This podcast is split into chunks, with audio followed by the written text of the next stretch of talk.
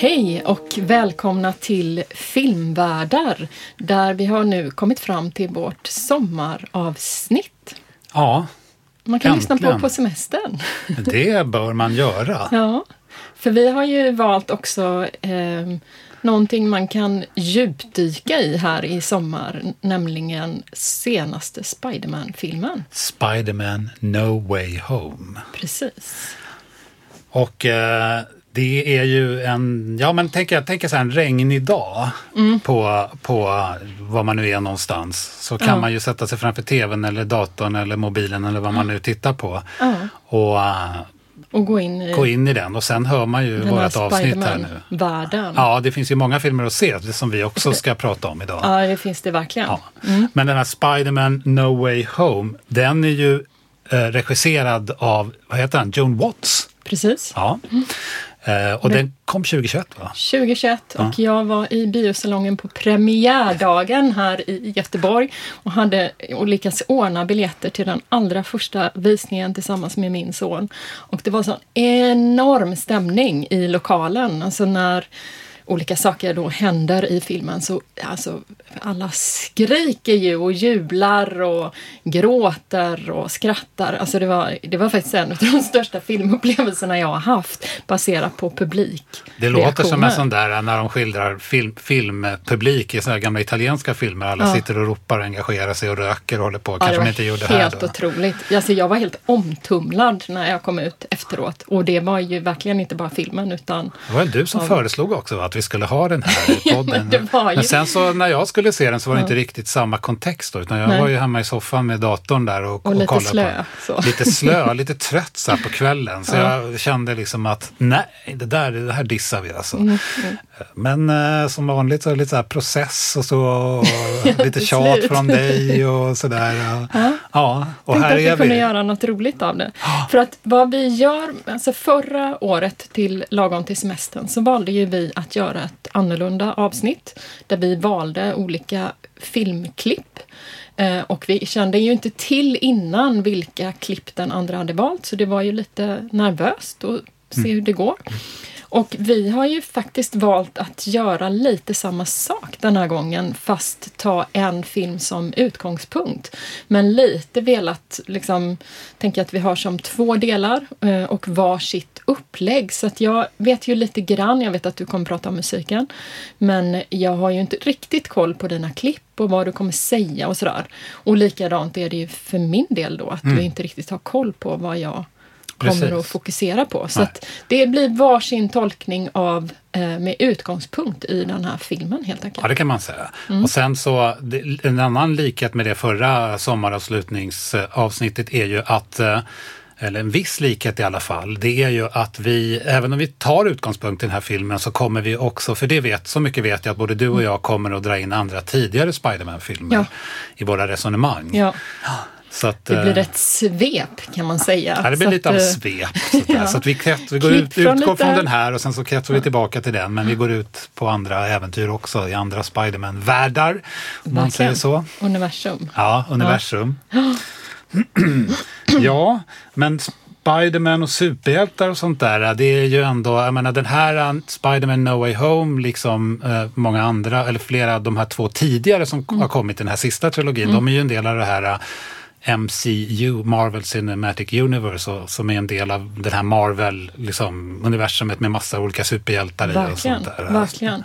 Och det har ju sin grund i serietidningar. Eh, Och det är ju viktigt att komma ihåg det att de här berättelserna är ju ändå otroligt grundade i, inklusive Multiverse är ju grundat i vad som har hänt i serietidningarna. Eh, Och superhjältar var ju någonting som växte fram i USA på 50-60-talet. Och man kan ju också se dem i relation till båda så att vi eh, under den, det var efterkrigstiden, eh, det växte fram en ungdomskultur som efterfrågades. Så att serietidningskulten var ju väldigt stor på 60-talet. Men det var också kalla kriget och en väldigt stark rädsla för atombomben eh, och därmed radioaktiv strålning. Mm. Och just Spiderman då som skapas eh, 1962 av Stan Lee som ju har skapat många av de här karaktärerna som finns i Marvel-universumet. Eh, han blev ju biten av en radioaktiv spindel. Precis. Så det är ju så han har fått sina krafter. Ja. Han har ju även naturliga krafter. Jag tänkte bara på det här med superhjälteföreställningarna då som, mm. som du säger mycket riktigt växte fram där på 50 och 60-talet. Men det finns ju någon sorts mera eh, långsiktig universalaspekt av det här, liksom längtan, alltså den här drömmen om att vara övermänsklig. Jag tänker, mm. alltså man kan gå tillbaka till antiken med, liksom, med grekiska gudar mm. och Zeus och, mm. och Poseidon och allt vad ja. de heter, så att säga, som, som har de här övermänskliga krafterna men även liksom föreställningen om den här atletiska kroppen. Då. Och det är, ju, det är ju någon form liksom av, av, av um, dagdröm som levs ut i det här också. Men just när man blir sårbar kanske också. Man... Och det är ju det som också gör dem så intressanta som en spegling av sin samtid. För att även om de här är grundade i serietidningarna så är de ju när de görs om på olika sätt genom filmer så görs de ju alltid om i en kontext, alltså i en väldigt specifik historisk kontext och det avspeglas hela tiden. Ja, så att man kan ju, det är ju liksom sociala och kulturella fantasier som också projiceras via den här superhjälten som är intressant och att man kan mm. liksom använda dem för och också läsa av sin samtid. Mm. Men jag tänker om vi ska säga lite om, alltså vem är Peter Parker då, som är ju den här tonårspojken som blir biten utav spindeln.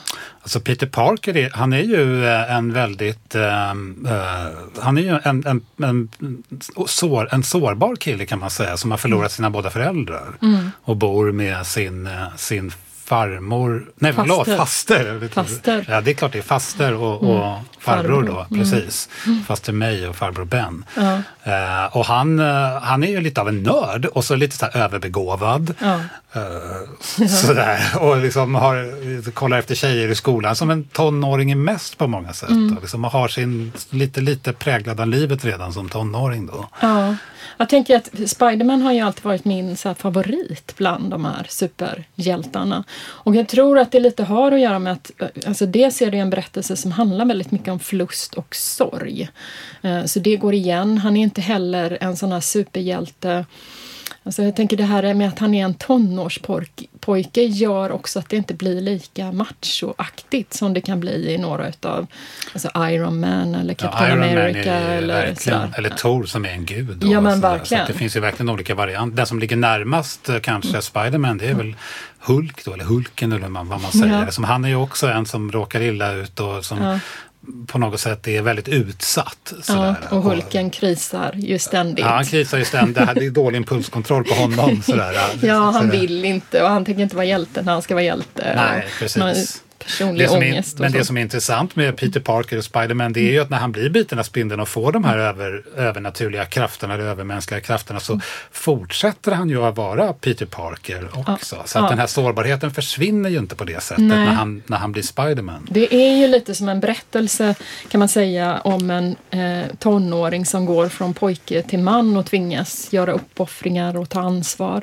För genomgående för de här filmerna är ju ändå den här stående meningen då som eh, det brukar vara Uncle Ben som säger, men som det är Aunt May som säger då With great power comes great responsibility. Mm.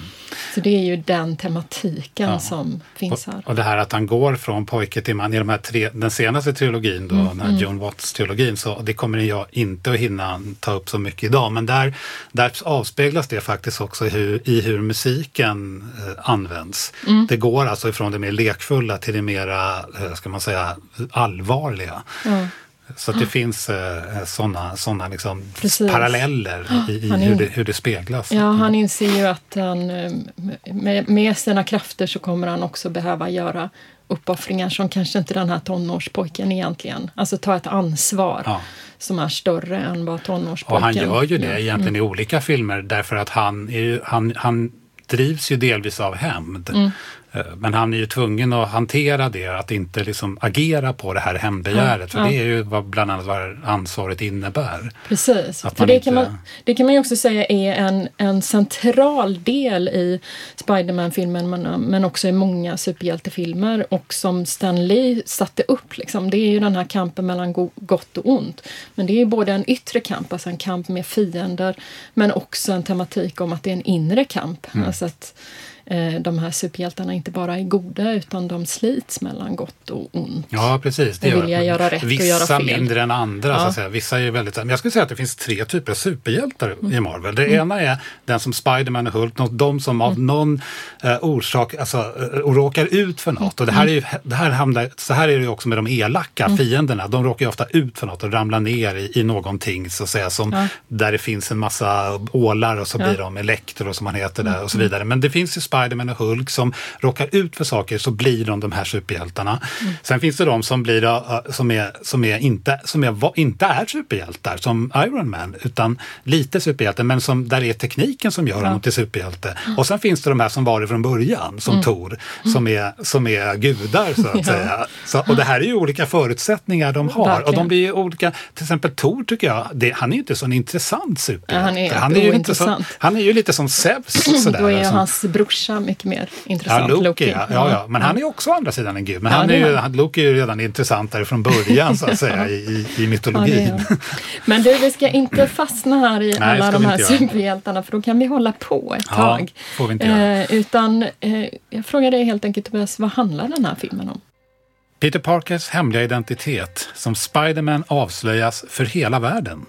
I desperation vänder sig Peter till Dr. Strange för att få världen att glömma att han är Spiderman. Men besvärjelsen slår fruktansvärt fel och öppnar istället porten till andra parallella universum. Snart börjar fiender till Peter Parker från de parallella universumen dyka upp och så småningom anländer även de andra universumens Peter Parker. Dörren till Marvels multiversum har öppnats på vid gavel. Riktigt drama. Det är ju ett drama alltså, Ja, i den är här det. filmen. Det Det är är det. det. Men jag tänker vi ska ju börja med din del Tobias och Min kasta del. oss in i musiken. Kasta oss in i musiken ska vi göra. Jag blir ovanligt mycket filmmusikvetare idag tror jag. Sådär. Så att det, blir, det, blir, det blir lite halvnördigt men det är också ganska kul. Ja, med tanke på att Peter Parker är ju en nörd så Ja. att du har ju viss tillåtelse. Jag har tänker visst tillåtelse. Det känns jätteskönt. Och då kastar vi oss in i detta med musiken. Eh, Jag tänkte börja prata om, eh, till att börja med om, eller det första jag vill säga är att musiken faktiskt är väldigt intressant. Mer än vad man, många nog kanske förstår när de ser den här filmen, Spider-Man No Way Home. Eftersom den knyter in i filmens berättelse så mycket. Alltså den är en del av skapandet så att säga. Den understödjer det här multiversum, eh, eh, som berättelsen som finns i, i filmen. Ehm, och det ska jag säga mer om om en stund. Men eh, jag tänkte också börja prata om själva originalmusiken. Det finns, liksom, det finns egentligen tre olika typer av musik i den här filmen. Det finns, det finns poplåtar, som till exempel i början Talking Heads man hör då i början när, precis i början på filmen när Spiderman inser att eh, Peter Parker inser att hans identitet är avslöjad. Då, då hör man Talking Head. Eh, och sen är det andra poplåtar. Och sen finns det då originalmusik som är komponerad för den här filmen av Michael Giacchino då. Jag tror att han har gjort i alla de här tre Spiderman, senaste Spiderman, Homecoming-trilogin så att säga. Eh, och sen finns det då eh, musik som är inplockad från tidigare Spiderman-filmer, från de tre första som regisserats av Sam Raimi, eller Raimi, jag vet inte helt hur det uttalas. Eh, där gjordes musiken av den väldigt kända filmmusikkompositören Danny Elfman och sen var det de här Amazing Spiderman-filmerna, de två då från 2012 och 14 eller något sånt där. Eh, och där var det eh, första den filmen så var det James Horner som är precis lika känd då, filmmusikkompositör och sen var det Hans Zimmer som gjorde då. Eh, och det plockas in musik från de här filmerna, är det tredje typen av musik här. Men jag börjar med originalmusiken då.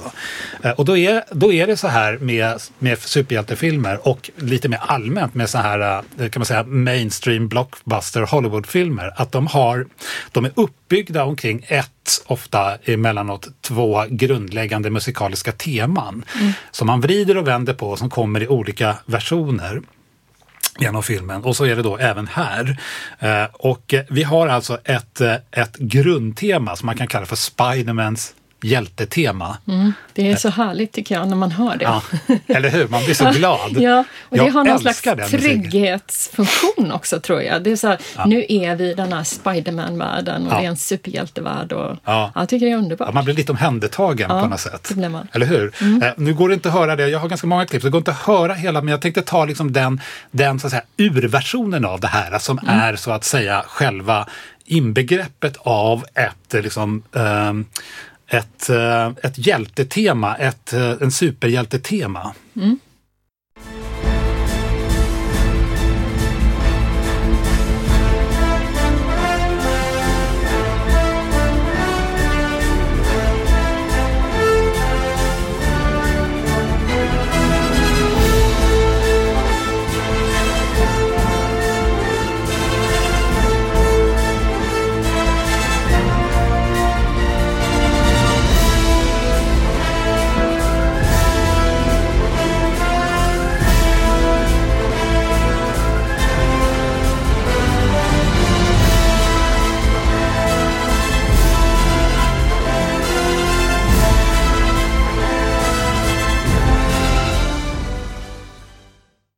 Yes. Visst är det snyggt? Ja men det är det och det är så fascinerande att de där, jag vet inte vad det är, trumpeter eller vad det är som kommer, hur snabbt man bara är så Ja. direkt där Ja. i Spiderman-världen och Ja. blir så här, åh vad härligt. Ja, men det är, ju- ju liksom en del av poängen med den här musiken. Ja, att det den går liksom, att göra så. Ja, så Ja. att man hör musiken och så är man där. Man behöver inte ens se filmen. Så att säga. Nej. Det är lite som Tarkovskijs Stalker kanske. Eh, det, här är, det här är helt klart det viktigaste musiken i den här filmen. Mm. All, all, helt klart. För att den kommer tillbaka, ibland antyds den, ibland kommer liksom bara själva harmoniken, man hör inte melodin. Men framförallt så kommer den tillbaka liksom i olika varianter, alltså sorts olika versioner. Och de kan vara lekfulla, de kan vara väldigt dramatiska, de kan vara som den här så att säga, ursprungs originalbiten här, väldigt liksom hjälteaktig, kan vara ödesmättade. Och två, kort då, två sådana här versioner, så har vi den, den, eh, den lekfulla versionen av det här. Och här är vi på eh, när, precis när eh, porten så att säga, till andra universum har öppnats och en av fienderna från de tidigare Spiderman-filmerna kommer in, nämligen Dr. Octavius. Och de utkämpar en kamp under och på en bro här, eh, Spiderman och eh, Dr. Octavius. Eh, och eh, här har han lyckats då, Spiderman, att eh, ta över kontrollen över de här tentaklerna som Dr. Octavius har. Och då blir han väldigt glad. Och nu ska vi lyssna noga på vad som händer i musiken i bakgrunden här, eh, när denna unga 16-17-åriga Peter Parker, Spiderman, eh, inser att jag har kontroll över denna skurk. Hey!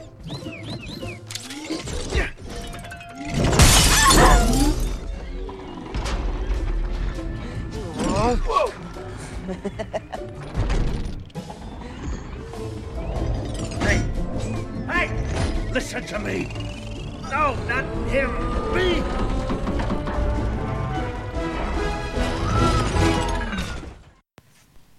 Där hör man, här har vi pizzicato som det heter på, i stråkarna. Bom, bom, bom, bom, bom, bom. Det är det här lekfulla, den lekfulla tonårsaktiga Peter Parker. Ja, ja. Han är ju liksom inte alls så där seriös som Dr. Strange hade varit i den här situationen. Nej. Utan det är ju verkligen en sån där tonåring som bara hoho! Ja, jag har kontroll över dig. Ja, precis. Och Octavius är ju helt förvirrad för det är ju fel Peter Parker Ja, det- som han har mött. Och Peter. Parker är förvirrad för det är ju liksom, han vet inte vem Octavius är. Så att säga. Nej, men han har det här hoho, det är när han ska ut och jaga skurkar också. Och Även nu så här allvarligt och ska stoppa brott så svingar sig. "Hu!" Ja, Så, så, typ, ja. Ja, han är tonåring. så.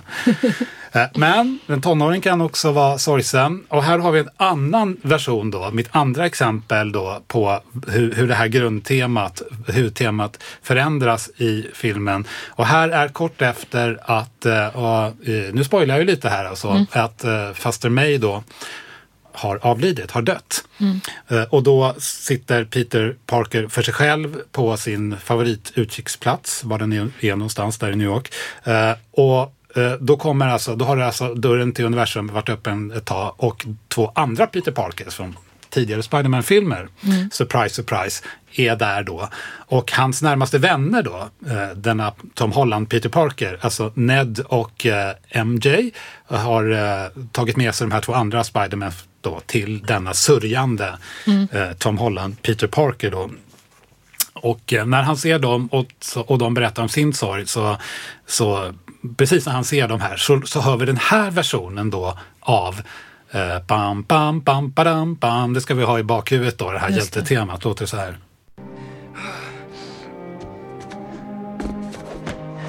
Hey, wait, wait, whoa.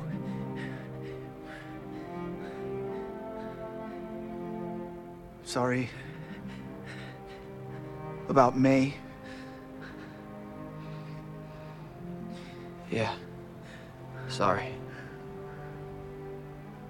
Got Här hör vi det, eller hur? Ja. Det är lite annorlunda än det där. Bom. Verkligen. Här grät hela biosalongen kan jag säga. Här grät hela biosalongen. Ja. Det förstår jag. Jag grät Ja, nästan inklusive själv. jag. Ja. Eh, Jag tänker att det är ju, alltså, vi pratade ju inledningsvis om att Peter Parker är föräldralös, Mm. men det är ju också, genom filmerna så genomgår han ju också förluster. Mm. Så han förlorar sin flickvän, alltså som dör i Amazing. Mm. Han förlorar Uncle Ben och här nu då Aunt May. Mm. Så det är ju också en historia, inte bara om förluster som har skett innan filmerna, utan också som sker under. Ja, exakt. Och jag tycker det, det, som, det som då man kan använda musiken till och som görs här, det är också att, att, att, eh, den, att skildra de här olika aspekterna av Peter Parker. Alltså den här bekymmerslösa tonåringen som heter plom, plom, plom, plom, plom, liksom, el- eller hjälten, eller i det här fallet eh, då eh, sörjande, sårbara Peter Parker. Eh, Så, så att det finns olika, och, eh, fler aspekter också. Så, så det, det är liksom en av poängerna med att man varierar det här huvudtemat. Men det finns ett sorgetema också. Det finns ett sidotema i den här filmen. Eh, och det hör man, eh, och det är lite av en annan karaktär eh, om man tänker sig ursprungsversionen igen av det här hjältetemat då, som vi hörde först. Eh, och när man hör det första gången i No Way Home, det är när Peter Parker då eh, inser att, eh, att eh, eh, faster May är död. Eh, hon blir ju dödad av The Green Goblin där. Eh, och det här huvudtemat, eh, sidotemat, sorgetemat som jag också kallar det, det låter så här. Me?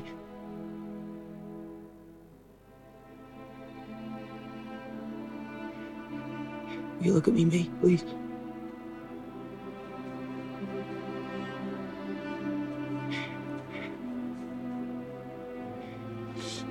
May. May. What are you doing, May? Please, will you just wake up and talk to me, please?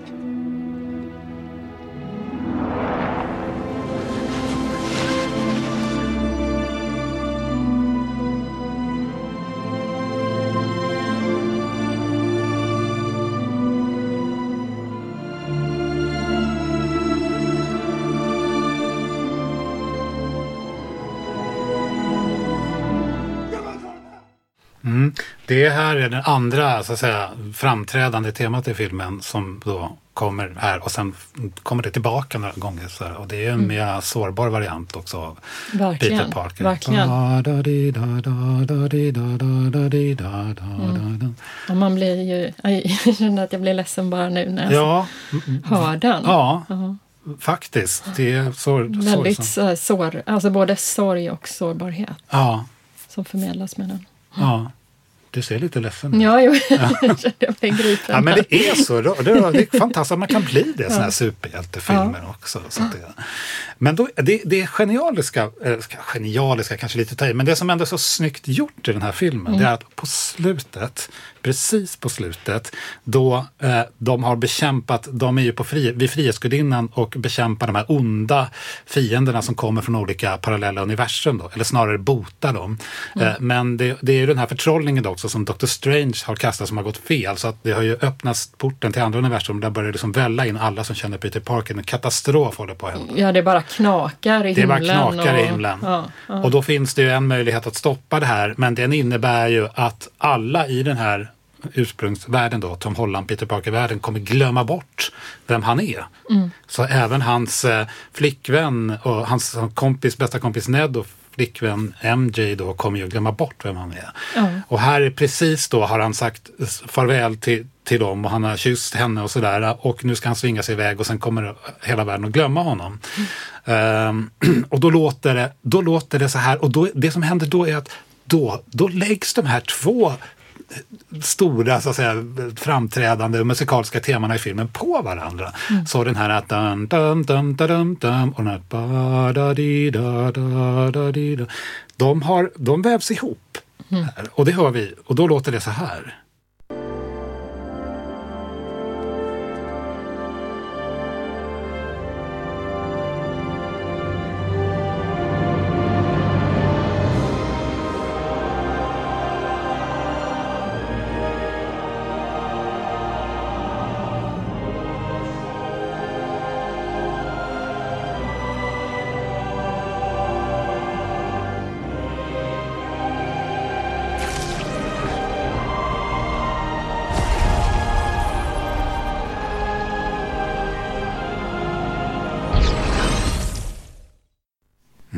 Så orkestern har hand om, eh, nu ska vi se, det, det, det hjältetemat. Eh, och Men kören. också Peter Parkers sorgetema. Ja, de, då. de, de läggs ju på varandra här. Men jag tänker att det också hänger ihop med den här twisten som blir för att första gången när han går till Doctor Strange och ber eh, då är det ju att alla ska glömma att, han, att Peter Parker är Spiderman. Mm. Men här är, blir ju konsekvensen att alla glömmer inte bara Spiderman utan alla glömmer Ex- att Peter Ja, Parker ju. har funnits. Så att det är ju liksom också den här sorgen, alltså den privata sorgen som Peter Parker upplever när Aunt May dör. Eh, finns ju med precis som superhjälten Spiderman då. Så att det vävs ju samman. Ja. Peter Parker och Spiderman Ja. glöms av Ja. hela universum. Det är, det är enormt tragiskt. Alltså det är som att upphöra att existera. Kan man tänka Det sig. är det som ingen vet honom. vem man är. Inte ens ens närmaste. Nej, nej. Mm. De närmaste han har kvar. Ja, så är det med originalmusiken i den här filmen då. Mm. Ja, stort drama. Ja. Ehm, men det är ju också så med den, eftersom den har det här upplägget med att dörren till multiverse, eh, multiversum öppnas, andra universum. eh, att, eh, och de här andra universumen, som, där det kommer så att säga både andra Spiderman och, och ifrån och, och fiender, det är ju de, det finns ju potentiellt sett då oändligt många parallella universum. Eh, Men i den här filmen så kommer de från de tidigare Spiderman-filmerna. De här, den här trilogin då, Sam eh, Raimi-trilogin då. De tre som kom på eh, 00-talet. Och sen de här två Amazing Spiderman- Spiderman-filmerna. så där kommer de ifrån, både, både, både fiender och Spidermans. Eh, och då eh, så speglar sig det här också i musiken i den här filmen.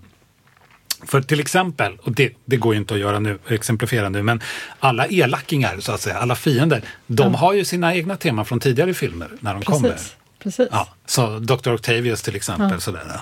Eh, Men jag tänkte ta bara, till att börja med i alla fall, eh, och kanske får vi se sen vad som hinns med, men ett exempel i alla fall som är väldigt eh, tydligt här hur, hur musik från tidigare, nämligen den, den absolut första, sen kommer den igen, alltså de tre första, den första trilogin så att säga, Spiderman 1, 2, 3 eh, med Tobey Maguire då i huvudrollen som Spiderman, hur den musiken kommer in i den här filmen, Spiderman No Way Home. Ehm, och då är det så att så här låter ju huvudtemat, för den har ju också ett huvudtema. Den har för övrigt också ett sånt här sorgeförsoningstema. Ja. De här första Spiderman-filmerna med Tobey Maguire. Men den liksom main title där, eller main theme som, som finns i väldigt känd Spiderman-musik. För mig är det liksom Spiderman-musiken lite Ja. grann. Den låter ju så här.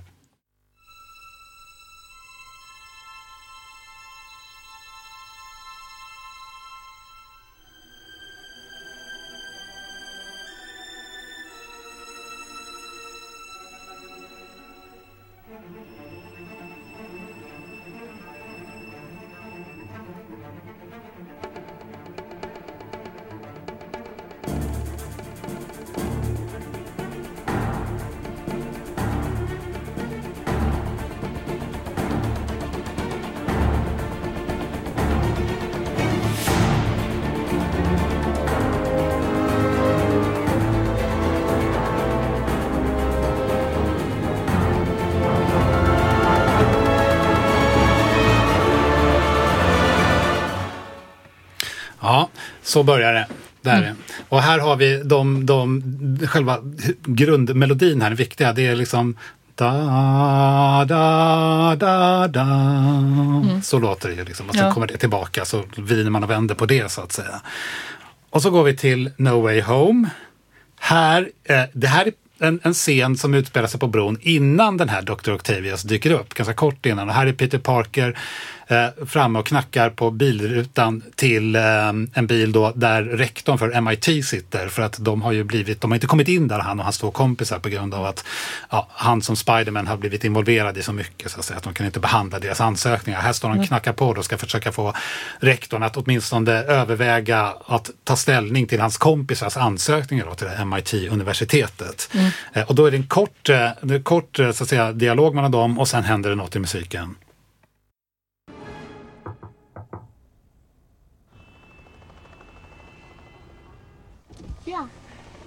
Hi, I, Peter Parker. You do know you're in the street, right? Yeah, I, I'm sorry. I just, I really needed to talk to you, and I know you're on your way to the airport. I uh-huh. just, MJ Watson and Ned Lees are the two smartest people I've ever met in my entire life, and I'm the dumbest person because I let them help me. But if I didn't let them help me, then millions of people would have died. So please don't, don't let MIT be dumb like me. MIT is dumb. No, I- I'm saying don't let MIT be dumb.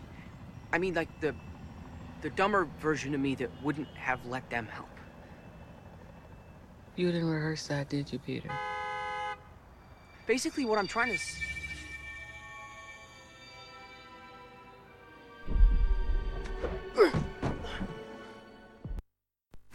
Vad hörde vi där? Han får de här spider tingles. Ja, han får de Spider, det. alltså sin Spiderman-intuition. Ja. Och så hör vi musiken. Da, da, da, da.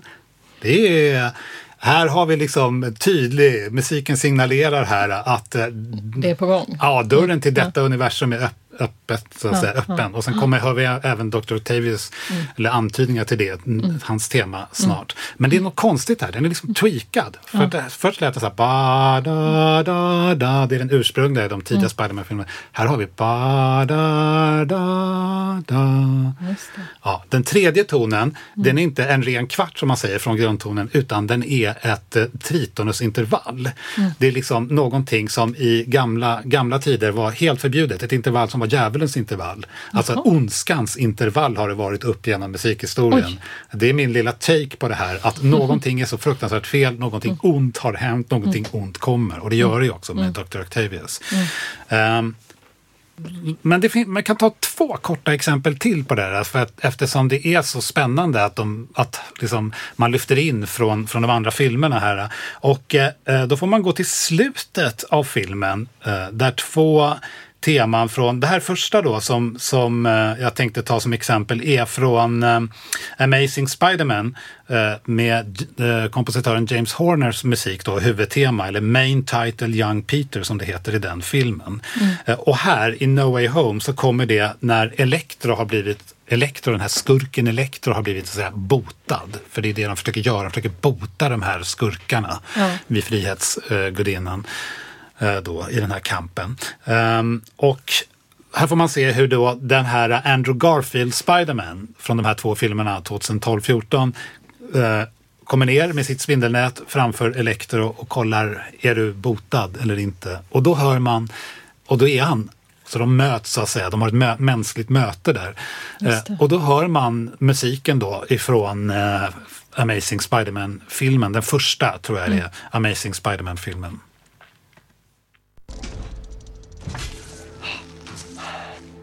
Max? Max. Don't worry. I'm all tapped out. You sure about that? Back to being a nobody. You were never a nobody, Max. Yes. I was. Yes, I was. You didn't see me. Can I tell you something? though? Yeah. You got a nice face. You're just a kid.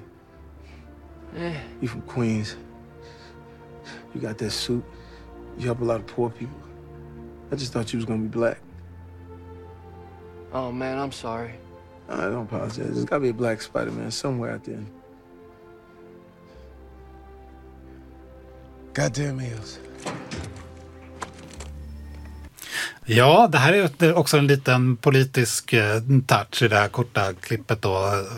Ja, det finns ju också Into the Spider-Verse är ju med en svart Spiderman. Ja, nu måste jag erkänna att den har jag så dålig koll på. Det finns det, Ja. precis. Men, men jag tänker så här, filosofernas alla möjliga världar semantik, Mm. där det finns alla möjliga världar. Liksom. Då är det klart att det finns, ja, men det finns ju en Spiderman som, som som kanske är omänsklig, så att säga. Ja. Alla varianter finns. Så att Ja. säga.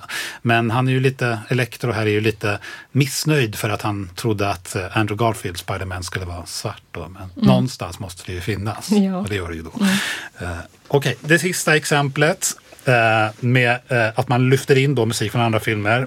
Eh, så som jag sa, i den här filmen så har vi två grundläggande dominerande teman. No Way Home alltså, de har vi hört. Det första är det här hjältetemat, det andra är sorgetemat.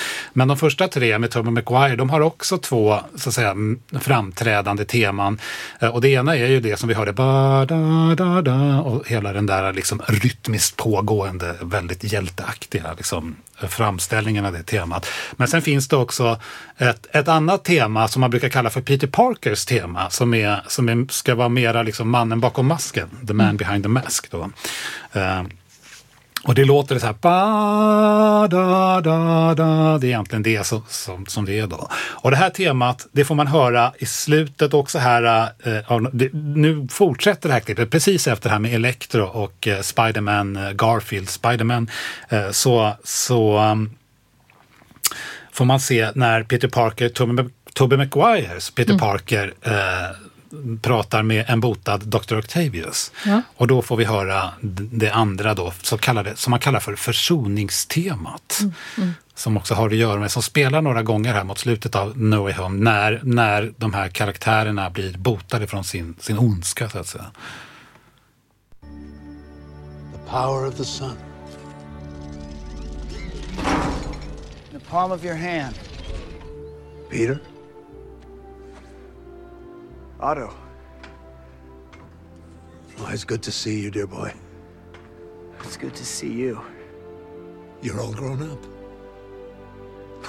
How are you? Du hörde va? Da, da, da, da, da. Så, kort sammanfattning här är ju att eh, medan, samtidigt som vi har då nykomponerad musik som hör till Homecoming-trilogin så att säga av eh, Giacchino då, Michael Giacchino, filmmusikkompositören. Så i den här filmen då så, så lyfter man in musik från de andra världarna. Så det är inte bara karaktärerna, Spiderman och, de och elackingarna så att säga, som kommer från andra världar, utan det, de tar med sig sina musikaliska teman också in. Så att det blir en del av den här multiverse-konstruktionen också. Musiken, musiken understödjer och är en del, en del av den. Ja, precis. Och med mängder av korsreferenser då. Mängder av korsreferenser, Ja. precis. Ja, Ja, här men- tänker jag att vi bör liksom uh, bege oss lite utanför filmen och dess, framförallt dess musik då och få lite en blick på eh, vem Spiderman är och hur han representeras. Och, Ja, men precis. Ska vi ja. gå över till min ja, del helt ja, enkelt då? Det var det jag tänkte. Här. Ja, det gör vi då. Jag, jag tänkte inte prata jättemycket eller ha särskilt många klipp från den nya filmen utan det jag tänkte göra i den här delen är att sätta den första trilogin som eh, kom ut på 00-talet i kontrast med den senare trilogin som har kommit ut inom ramen för det här stora Avengers-universumet. Och det är för att på något sätt, jag tänker, det vi sa inledningsvis är ju att de här superhjältarna också inbegriper någon slags social och kulturell projicering från sin samtid. Så att man genom att förstå dem eh, hur de agerar så kan man också säga någonting om den tiden. Och jag kommer göra en lite, eh, alltså verkligen renodla två teman. här, Så det kommer låta som att jag inte alls är förtjust i de senare Spiderman-filmerna. Men det, jag gillar ju dem, men eh, jag tycker också att de har en problematisk sida och att de kanske också har förändrat Spiderman på något sätt. Eh, och den, mitt första tema är då klasstemat eh, och det reagerade jag väldigt starkt redan första gången när jag såg Spiderman Homecoming då. Att jag blev så här, men vad har hänt med Spiderman? Ehm, och för att eh, ge det ett sammanhang så tänker jag att vi backar tillbaka då till Spiderman 1 eh, med Tobey Maguire som kom 2002. Och jag skulle säga att i den här filmen så är klass, eh, tema klass och fattigdom är otroligt närvarande hela tiden. Och filmen börjar faktiskt med att Uncle Ben, då, eh, Peter Parkers farbror, har blivit av med jobbet och kommer hem och har blivit av med jobbet.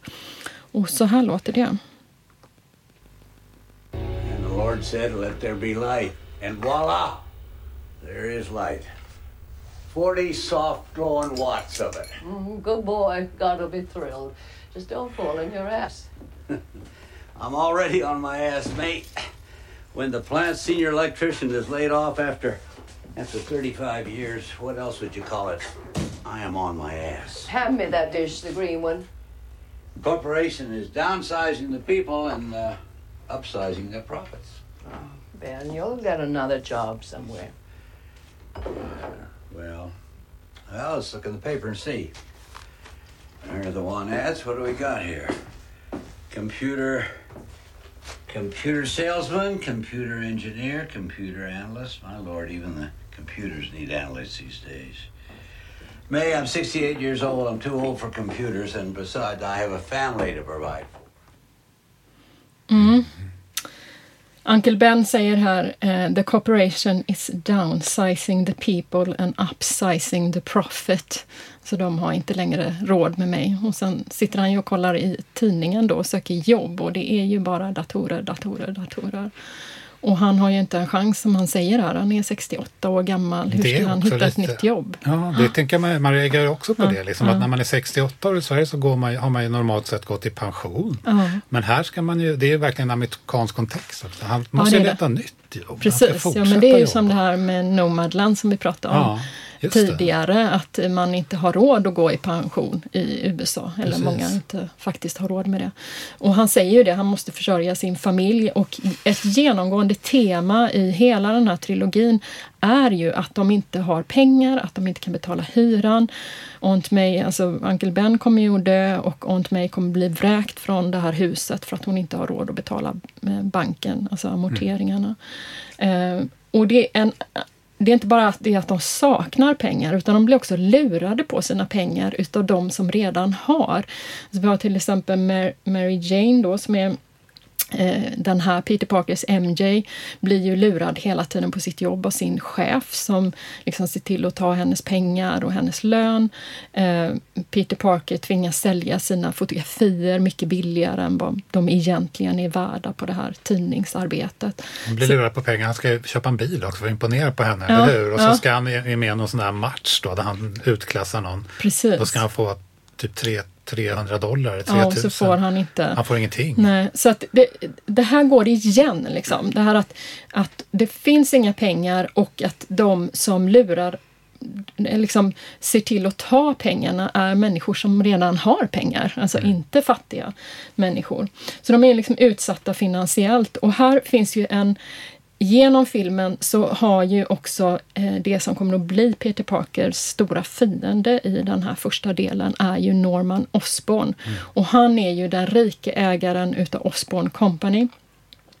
Och han eh, har ju miljoner kronor. Den här, eh, hans son är också kompis med Peter Parker. Bästa kompis. Precis. Och eh, Norman Osborn är ju också ett, ett teknik, det är teknik eh, och laboratorie, alltså de gör olika forskningsprojekt och sådär. Eh, han är ju också imponerad av Peter Parker som vi har talat om tidigare, att han är ju en nörd. Så att han är imponerad utav Peter Parker och vill också få in honom i företaget och så. Men han experimenterar ju på sig själv och vill använda teknologin då för att bli mäktig, ännu mer mäktig än vad han redan är och bli den här onde Goblin. Men han är girig också, eller hur? För han håller på att förlora ett kontrakt för Ja. att de inte har testat på människor än, så att säga. Och då, då går han liksom hela vägen ut och testar på sig själv. Verkligen. Ja. Han är oerhört girig. Så jag tänkte att vi skulle lyssna på hur det låter på slutet när då eh, Peter Parker möter den här eh, eh, Norman Osborn i en slutscen. Peter, stop! Stop! It's me!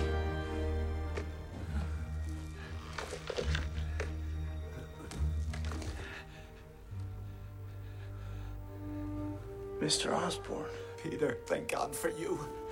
You killed those people on that balcony. The goblin killed. I had nothing to do with it. Don't, don't let him take me again. I beg you. Protect me. You tried to kill Aunt May. You tried to kill Mary Jane. But not you. I tried to stop it. I couldn't stop it. I would never hurt you. I knew from the beginning. If anything ever happened to me, it, it was you that I could count on.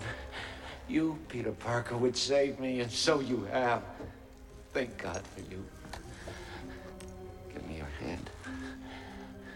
Believe in me, as I believed in you. I've been like a father to you. Be a son to me now. I have a father. His name was Ben Parker. Mm. Så här avsäger sig ju Peter Parker eh, Norman Osborn, den rike miljardären som äger Osborn eh, Corporation, fader. Alltså att han är en fadersgestalt. Och det, och det som också utspelar sig här är ju att han också säger ifrån sig de här värdena då som Norman Osborn representerar. Alltså makt, teknologin, girigheten och istället då framhåller då Ben Parker. Och det, det här är, det du säger nu, det hör man jättetydligt i musiken för den är liksom troubled, den är liksom Ja. inte harmonisk och tonal när, Nej. när Goblin pratar. Men så fort han nämner I have a father Mm. Så kommer den här liksom nästan amerikanska liksom Ja. kontexten, musiken som är med, med, med liksom, eh, de här horn, valthornen och så vidare. Så alltid som molnen lättar på något sätt. Så det, Mm. hela det ställningstagandet är ju lite, lite ideologisk touch på det ska jag säga. Det, men i alla Mm. fall, det är ju lite Mm. det är understött av hur, hur ljudspåret låter. Ja. Hörde jag nu när du Ja. spelade upp det här. Ja, jag tänker att det, är, det har en... Därför att någonting som är centralt för den här Spiderman på 00-talet är ju att det finns en väldigt stark koppling men, eh, ja, men till... Alltså att eh, Spiderman är den här lokala Queens-hjälten. Han Mm. är alltså väldigt väl förankrad i sin miljö. Han hjälper människor eh, i Ja, området. Your friendly neighborhood Spiderman. Precis, och att han står på de fattiga sida gentemot de som är rika och vill stjäla, Ja. liksom, ta resurserna från dem. det kopplas ihop med en väldigt stark patriotism i de här filmerna. Mm. För det här Mm. vi hörde nu, det är så här eh, eh, American style music. Mm. Och sen när han svingar sig upp på slutet av någon av de här filmerna, man ser den amerikanska flaggan sådär. Ja, så att det är ja, ändå det. liksom det här spi- friendly Spiderman eh, neighborhood. Det är liksom Verkligen. också den amerikanska drömmen på något sätt. Verkligen. Men då kan man ju också fundera på vad är den amerikanska drömmen? För att någonting händer ju när vi då kommer fram till eh, den nya Spiderman, alltså den som kommer med hela det här Avengers-universumet. För att han har ju också en fadersgestalt. I den här TV-serien så finns ju inte Ben Parker närvarande överhuvudtaget. Man får inte veta om han har funnits Den där eller senaste, inte. ja, Precis, ja, mm. precis. Man får inte veta om han har funnits eller inte, utan det är ju bara May, hon kallas ju inte heller för Aunt May längre utan hon är ju bara May. Mm. Och en, är ju en mer ungdomlig tolkning utav May, helt enkelt. Eh, men fad, den stora fadersgestalten i den här serien, eh, ja, serien av filmer är ju eh, Iron Man, alltså Tony Stark. Precis. Och jag tänkte att vi skulle lyssna på ett klipp då från Homecoming som är den första filmen i den här eh, serien nya Spiderman-filmer. Och i eh, den här scenen så har eh, Peter Parker varit på en fest men dragit därifrån för han har sett en bov. Ska ta det väldigt kort och och slåtts med den här boven och då ramlat rakt ner i en sjö och sjunker ner i sjön och plötsligt så dyker då Iron Man upp och bara tar tag i honom och lyfter honom och klippet inleds med pampig musik. För att han blir ju räddad då. Ja, just det. Oh. Oh. Hey. And then he just he just like swooped down like a monster and he picked me up and uh, he, he took me up like a thousand feet and just dropped me. How'd you find me? Did you put a tracker in my suit or something? I put everything in your suit, including this heater. Whoa. That's better. Thanks. What were you thinking? The guy with the wings is obviously the source of the weapons. I gotta take him down. Take him down now, huh? Steady, Crockett. There are people who handle this sort of thing. The Avengers? No, no, no. Just a little below their pay grade. Anyway, Mr. Stark, you didn't have to come all the way out here. I, I had that. I was fine. Oh, I'm not here. Thank God this place has Wi-Fi, or you would be toast right now. Thank Ganesh while you're at it. Look, forget the flying vulture guy, please. Why? Yes, why? Because I said so. Sorry, I'm talking teenager. Ja, den intressanta delen i, eh, tycker jag, i den här scenen är att det är en av otroligt många scener där ju Tony Stark beter sig som en pappa. Han säger ju också här på festen då, för han, han är ju ett, bara ett hologram som pratar in i den här dräkten. Eh, så säger han på festen att I'm, talking, I'm speaking to a teenager. Mm. att det ska förklara hans upprördhet. Eh, och alltså nätet svämmar ju över av klipp som heter Stark Spiderman and Stark Peter Parker father-son relationship. Alltså det finns hur många som mm. helst. Och det är en väldigt stark tematik i de här filmerna. Och också i Avengers-filmerna. Att Tony Stark ser honom, vill fostra honom att bli mm. arvtagaren till mm. Tony Starks Industries. Mm. Men vem är den här Tony Stark egentligen, Tobias? Ja, det frågar du mig om. Han är ju den här, han är väl också en sorts geni va? som uppfinner ja. sin egen och startar upp de här Stark Industries. Jag, jag är inte helt hundra på hans historia. Nej, där, det är ju hans pappa som har startat ja, upp Stark Industries. Så han är ju en arvtagare. Ja. Men han är ju också eh, liksom, smart och utvecklar ju det här företaget. Och läser man på Marvels, när, de har ju som en typ Wikipedia-sidor man kan gå till, så förstår man att Stark Industries är ju ett multinationellt företag och det största teknikkonglomeratet i världen då, mm. alltså i det universumet som tillhör mm. Spiderman. Så att det är ju de som liksom mm. äger all teknik. Mm. Och han är ju den här liksom, fadersfiguren här. Den som skyddar Peter Parker, den som Peter Parker ser upp till. Han säger också på det här klippet senare att men jag vill ju vara som du. Jag vill vara som du är. Och det är därför han liksom vill bevisa sig själv. Det är verkligen också en sån fader-son-relation för Peter Parker vill bevisa sig själv. Han är väl den egentliga ledaren också va? Av, av Avengers ja, lite grann. det är han. Och det är han ju i kraft av sin ekonomi därför att han bygger ju hela det här Avengers-fortet. Mm. Eh, så att de flyttar ju från Stark Tower till, till ett fort och det får man ju se i slutet på den här Homecoming att Peter Parker tas dit och mm. bjuds in till att vara del utav Avengers.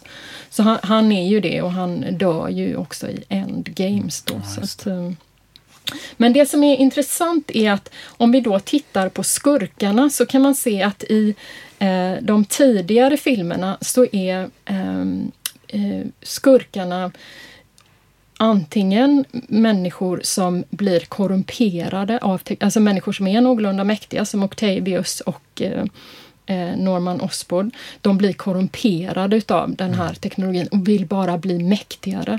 Men sen så finns det ju de här skurkarna som till exempel Sandmannen som är en fattig man eh, som har en dödssjuk flicka mm. som inte han har råd att hjälpa. Som han råkar råd illa ut också på precis. något sätt och därmed blir han denna Sandman. Då. Ja, mm. precis. Och han blir eh, kriminell för att få ihop pengar för att kunna köpa mm. mediciner till sin dotter. Eh, men genomgående så är de ju ganska ambivalenta figurer. Alltså, det finns en strid inom dem mellan ont och gott. Och man förstår, men det finns en förklaring till varför de blir varför onda de blir också. De blir, ja. De inte ja, bara det är. det. Så nej, nej, de inte bara är det. Men i den senare, eh, i både Homecoming och det som sen är Far from Home, så kan man säga att de här skurkarna, det som de här skurkarna har gemensamt är att de har blivit, det finns en förklaring till det, och det är att de har blivit illa behandlade av Stark Industries. Mm. Så de vill ju hämnas på Tony Stark. Det är det som är deras motiv. Och det är också den nerv som går genom filmerna. För så är det med han till exempel här Mysterio va? Han mm. har ju blivit sackad då liksom av Han Tony har fått sparken. Ja. Han kom fram på en uppfinning. Tony Stark blev inte imponerad. Han gav honom sparken. Och han var ju också instabil så att ja, säga. Det ja. hävdades vara det. Så. Ja precis, det hävdades vara det. Ja. Alltså det är ju liksom, man får ju se de här via Tony Starks blick. Så att det gemensamma är plötsligt att skurkarna hotar Tony Starks Industries. Det är det de har gemensamt. Och plötsligt så blir ju också Peter Parker blir ju någon som då skyddar, eh, i kraft av sina förmågor, skyddar Tony Starks intressen på olika sätt. Så man kan säga att här finns det en tydlig förskjutning i att om eh, nerven i de tidigare filmerna handlade om en kritisk blick på de som har pengar, att pengar och girighet och teknologi korrumperar. Så är det snar, snarare tvärtom här, att eh, vi ska lita på och hålla på Tony Stark istället då. Man kan ju för sig tillägga att alla bovarna är väldigt teknologiskt avancerade. Sådär. Men, eh, ja, du menar äh, de här senare bovarna? Ja, ja, ja. oerhört. Så att det, det, det, liksom inte, det är ju inte liksom en en, äh, ett till ett förhållande mellan teknik är bra och det andra är dåligt Nej. så att säga, utan de Nej. är ju extremt, äh, men det är ju det här att de reagerar på Tony Stark och Tony Stark, in, eller Stark Industries, som mm. det är ju liksom det är bra att du kommer in på tekniken, för jag tänker att tekniken är ju ett annat sätt vi kan se den enorma förändringen i de här alltså förskjutningen som har skett mellan de tidiga Spiderman-filmerna och de senare.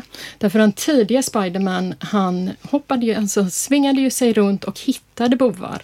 Medan den senare, där har ju det hänt enormt mycket med tekniken. Och då inte minst med hjälp utav Tony Stark. Och jag tänkte att vi skulle bara eh, lyssna på ett klipp då från det som är eh, från filmen Far from Home som kom 2019 som då är innan No Way Home. Eh, och där är Tony Stark död och Peter Parker ses ju som någon slags arvtagare.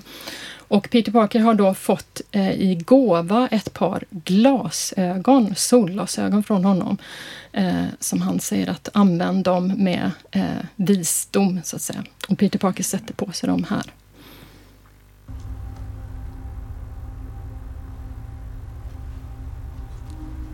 For the next Tony Stark, I trust you. Say Edith. Stand by for retinol and biometric scan. Retinol and biometric scan accepted. Hello? Hello, Peter. I am Edith, Tony Stark's augmented reality oh. security and defense system. So he made you for me? No, but you have access to all of Tony's protocols. Cool. Would you like to see what I can do?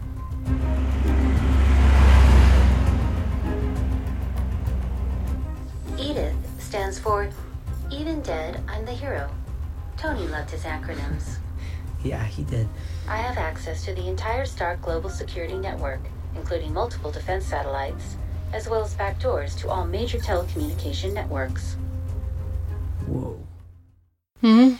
Med hjälp av de här glasögonen så får han ju tillgång till, han kan läsa vem som helst telefon.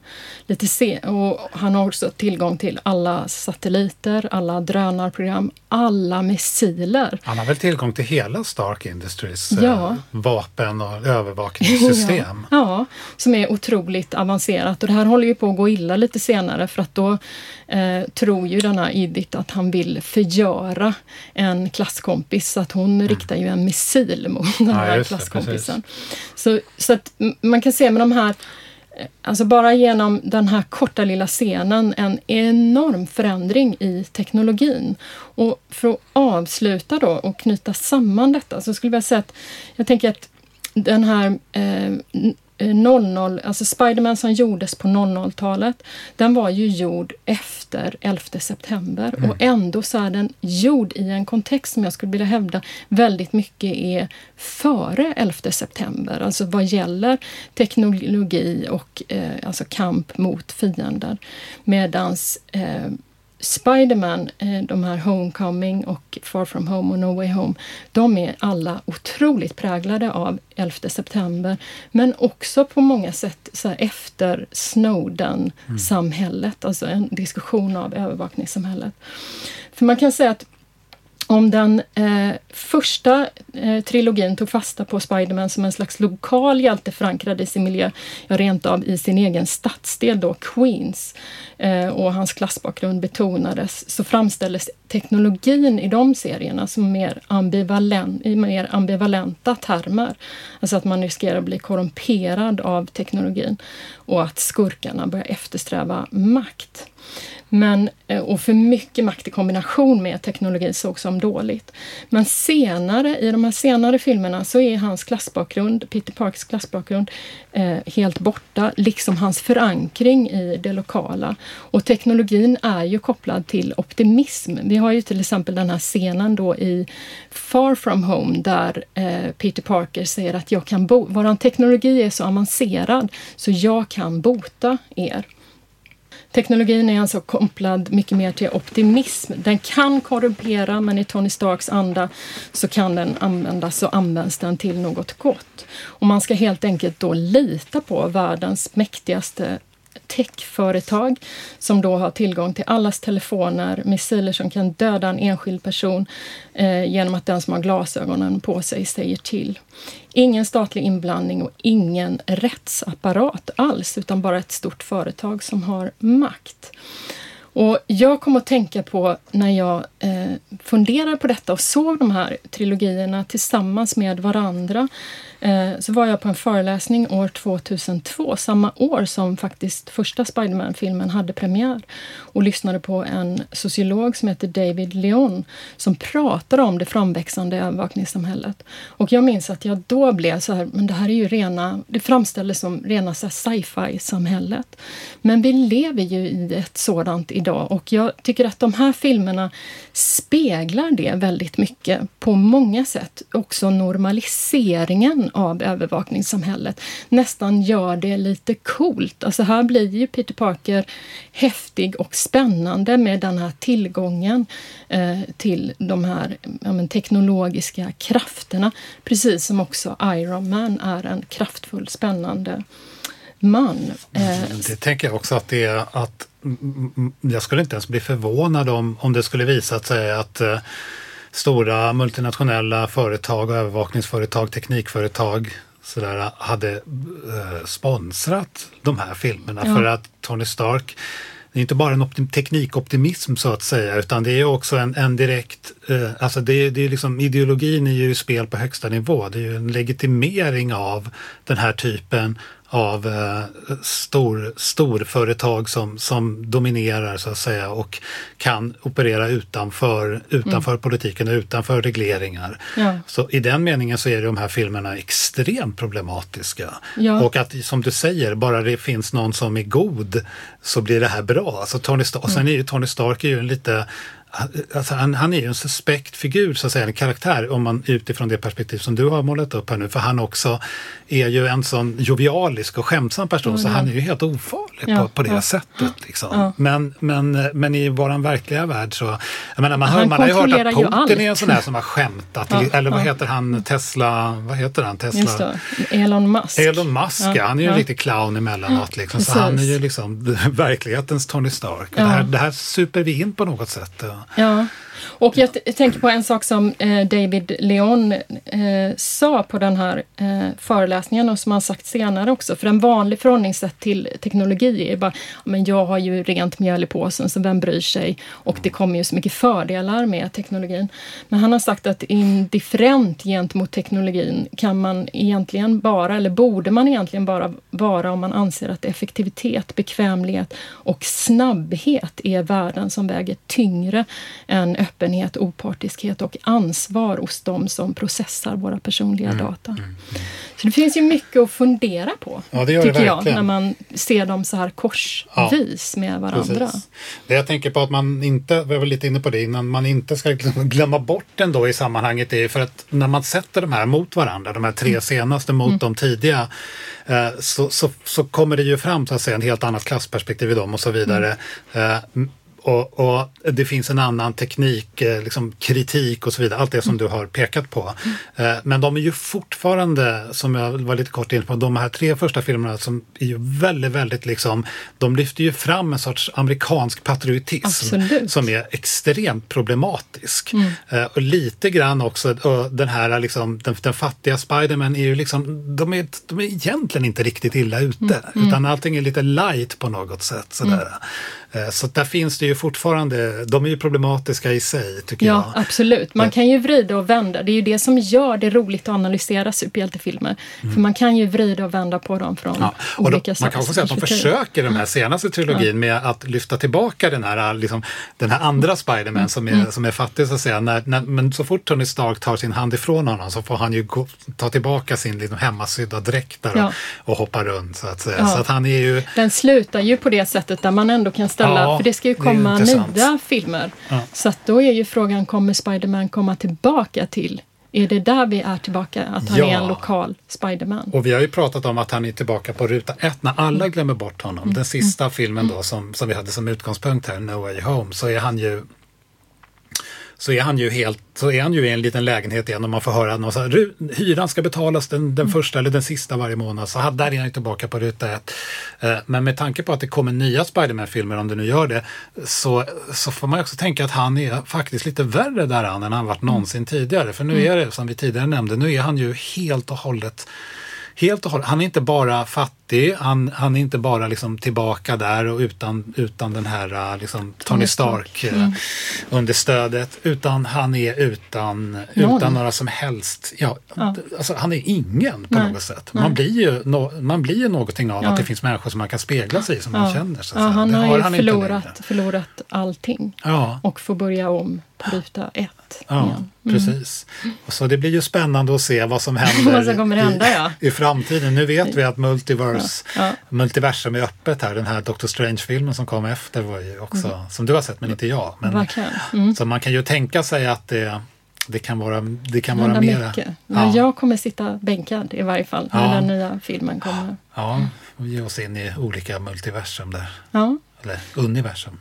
Men eh, då får vi sätta punkt för idag. Nu får vi sätta punkt för Ja. idag. Ja. Och vi tar ju lite sommarsemester och Ja. är tillbaka efter sommaren. Vi är igen. tillbaka efter sommaren med några Mm. nya avsnitt. Mm. Yes. Tack så hemskt mycket för att ni lyssnade och vi hörs igen. Och ha en trevlig sommar Katarina och lyssnaren. Ja, men detsamma.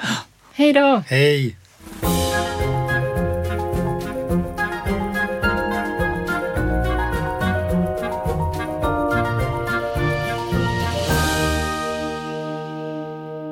Den här podden produceras av Medieteknik vid Göteborgs universitet med bidrag ur stiftelsen Gustav Adolf Bratts föreläsningsfond och Institutionen för kulturvetenskaper.